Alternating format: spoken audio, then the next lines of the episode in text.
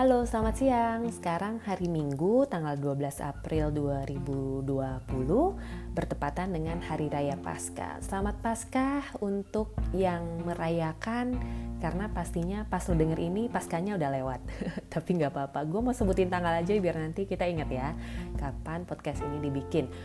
Hmm, hari ini kita akan ngobrolin soal buku uh, yang bikin gue seneng banget pas ketemu buku ini jadi sejak baca buku Becoming dari Michelle Obama, gue jadi mulai seneng baca buku bermodel biografi atau memoir.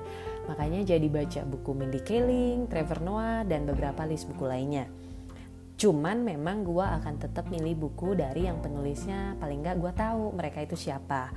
Nah pas kemarin nyari-nyari buku sejenis, gue ketemu artikel yang membahas buku rekomendasi Mindy Kaling. Nah salah satunya adalah buku ini, Like Brothers dari Jay dan Mark Duplass yang terbit bulan Mei 2018. Tetap ya, gue konsisten pada apa yang disampaikan idola. Jadi langsung deh gue beli buku rekomendasinya Mindy ini. Ya, kebetulan mereka berdua ini nggak asing karena mereka main di serial The Mindy Project. Waktu itu keduanya berperan sebagai kakak adik yang bekerja sebagai bidan yang gue baru tahu bahasa Inggrisnya bidan adalah midwives. FYI aja itu. Nah karakternya di serial itu cukup weird tapi lucu.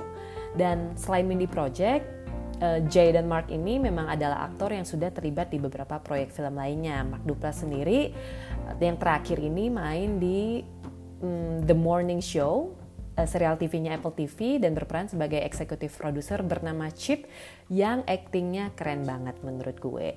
Nah, Jay Duplas sendiri juga sempat main di serial TV Transparent produksinya Amazon Studios. Dan keduanya saat ini punya um, independent television production company bernama Duplas Brothers Productions. Oke, okay, jadi itu uh, sekilas tentang profil Jay dan Mark Duplas. Nah, untuk diketahui, Jay dan Mark Duplas ini adalah saudara kandung. Jay si abang, Mark adiknya. Beda usia mereka 4 tahun. Bapaknya seorang pengacara, ibunya kalau nggak salah ibu rumah tangga. Nah mereka berdua tinggal, bukan berdua, mereka sekeluarga tinggal di New Orleans. Dari kecil, Mark dan Jay ini udah akrab banget. Jadi seakrab meskipun mereka dikasih kamar beda-beda sama bokap nyokapnya, si Mark akan selalu nyempil ke kamar Jay untuk tidur bareng. Kebayang dong kalau ada kakak adik tidur bareng malam-malam sebelum tidur yang ngobrol macem-macem. Dan mereka juga punya list film favorit yang sama yang akan mereka tontonin berulang-ulang. Pokoknya udah kompak banget dari kecil ya saking kompak dan akrabnya waktu Jay harus kuliah keluar kota dia sempat tertekan banget sampai depresi karena kangen banget sama rumah terutama sama adiknya si Mark jadi ya udah karena Mark juga sebenarnya kangen, Mark sempetin nih beberapa minggu sekali untuk nyetir ke Austin tempat kuliahnya Jai sekitar 8 sampai 9 jam perjalanan untuk mampir ke kampus supaya bisa main sekaligus menghibur abangnya. So, begitu Mark lulus SMA, gantian. Mark nyusulin abangnya di kampus yang sama supaya mereka bisa barengan. Cuman kalau Jay ngambil uh, jurusan film, Mark ngambil jurusan musik. Jadi sampai poin ini lu bisa lihat ya, ibaratnya di mana ada Mark, di situ ada Jay. Saking kompaknya mereka berdua, keduanya juga punya ketertarikan yang sama besarnya di dunia film. Jadi dari kecil emang mereka udah suka ngerekam video sendiri pakai handycam yang dikasih bokapnya. Nah begitu Jay udah kuliah dan dapet ilmu yang lebih banyak soal dunia film, mereka mulai bikin film yang lebih serius, yang ada jalan ceritanya, lalu juga ada pemainnya, yang emang dibikin dengan modal seadanya. Tadinya cara mereka bikin film adalah gini, jadi yang main adalah si Mark, uh, yang pegang kamera Jay, kemudian yang ngedit adalah Mark karena Mark punya sense of music yang lebih tinggi ya karena dia memang tertarik di musik. Jadi dia yang bikin scoringnya dan segala macam.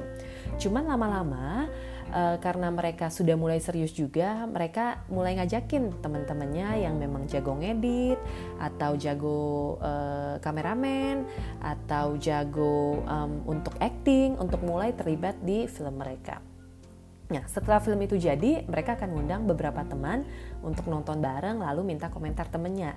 Kalau ternyata reviewnya kurang bagus, mereka akan bikin ulang lagi filmnya, kemudian ngundang lagi temennya untuk duduk bareng dan berdiskusi lagi. Begitu terus berulang-ulang sampai mereka puas dengan hasil film yang mereka bikin. Sebenarnya cerita di buku Like Brothers ini sangat cocok untuk lo yang tertarik dengan film atau produksi film karena emang yang ditulis di buku ini memang bener-bener pengalaman bikin film dari nol banget sampai udah jadi. Jadi tadi sempat gue singgung sedikit gimana mereka bercerita soal mereka bikin film yang pemainnya cuma Mark dan yang ngerekam Jay modalnya cuma 3 dolar atau sekitar 50 ribu rupiah untuk beli kaset pita aja yang ternyata berhasil masuk ke pemutaran festival film Sundance tapi juga ada kegagalan yang mereka pernah alami. Misalnya ada satu ketika mereka pengen banget bikin film yang lebih serius, tapi karena nggak punya duit mereka harus pinjam duit orang tuanya, dan ternyata berakhir dengan hasil yang tidak memuaskan sama sekali. Dan dari sana mereka karena nggak putus asa, mereka tiba juga di titik di mana akhirnya salah satu ide cerita mereka dibeli dengan nilai uang yang tidak mereka duga. Jadi di buku ini uh, selain soal perjalanan film itu tadi, mereka juga ngebahas hal-hal yang teknis banget dan basic banget untuk bikin film. Jadi bisa banget kepake.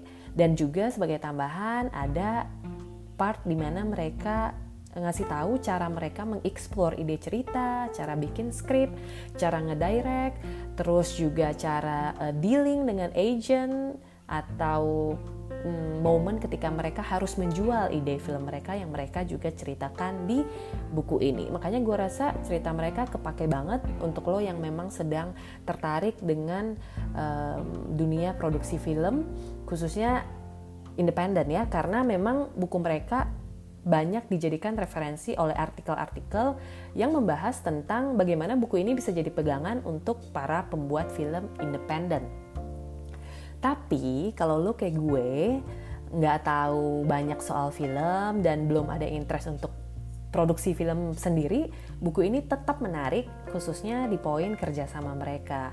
Karena sepanjang buku ini mereka bercerita soal ritme kerja mereka, kemudian cara mereka bisa tetap profesional di tengah emosi mereka sebagai kakak adik, sampai hal-hal yang mereka lakukan ketika mereka berantem gitu apalagi sebenarnya poin kerjasama itu kan applicable ya di lingkungan apa pun entah lo di kantor di kampus atau di mana pun tempat lo hmm, bersosialisasi atau sering berinteraksi sekarang dilema kerja bareng pasti ada. Nah di gue sendiri karena gue kerja bareng abang gue ya ada aja poin di buku yang somehow bikin gue berasa nah ini gue banget pas gue kesel sama abang gue gitu. Makanya menurut gue buku ini seru karena ada insight soal how to deal with your colleagues, dan juga ada insight soal how to deal with your brothers or sisters. Dan secara keseluruhan, kedekatan Jay dan Mark Duplass ini memang dahsyat ya. Di beberapa fase saking dekatnya mereka sampai sempat bertanya-tanya sendiri, eh kayaknya kita kedekatan ya. Sampai-sampai sebelum gua mau ngomong apa, lu tuh udah tahu gua mau ngomong apa kayaknya kita break dulu deh ya, nggak usah deket-deket amat untuk beberapa waktu. Nah, segitunya loh.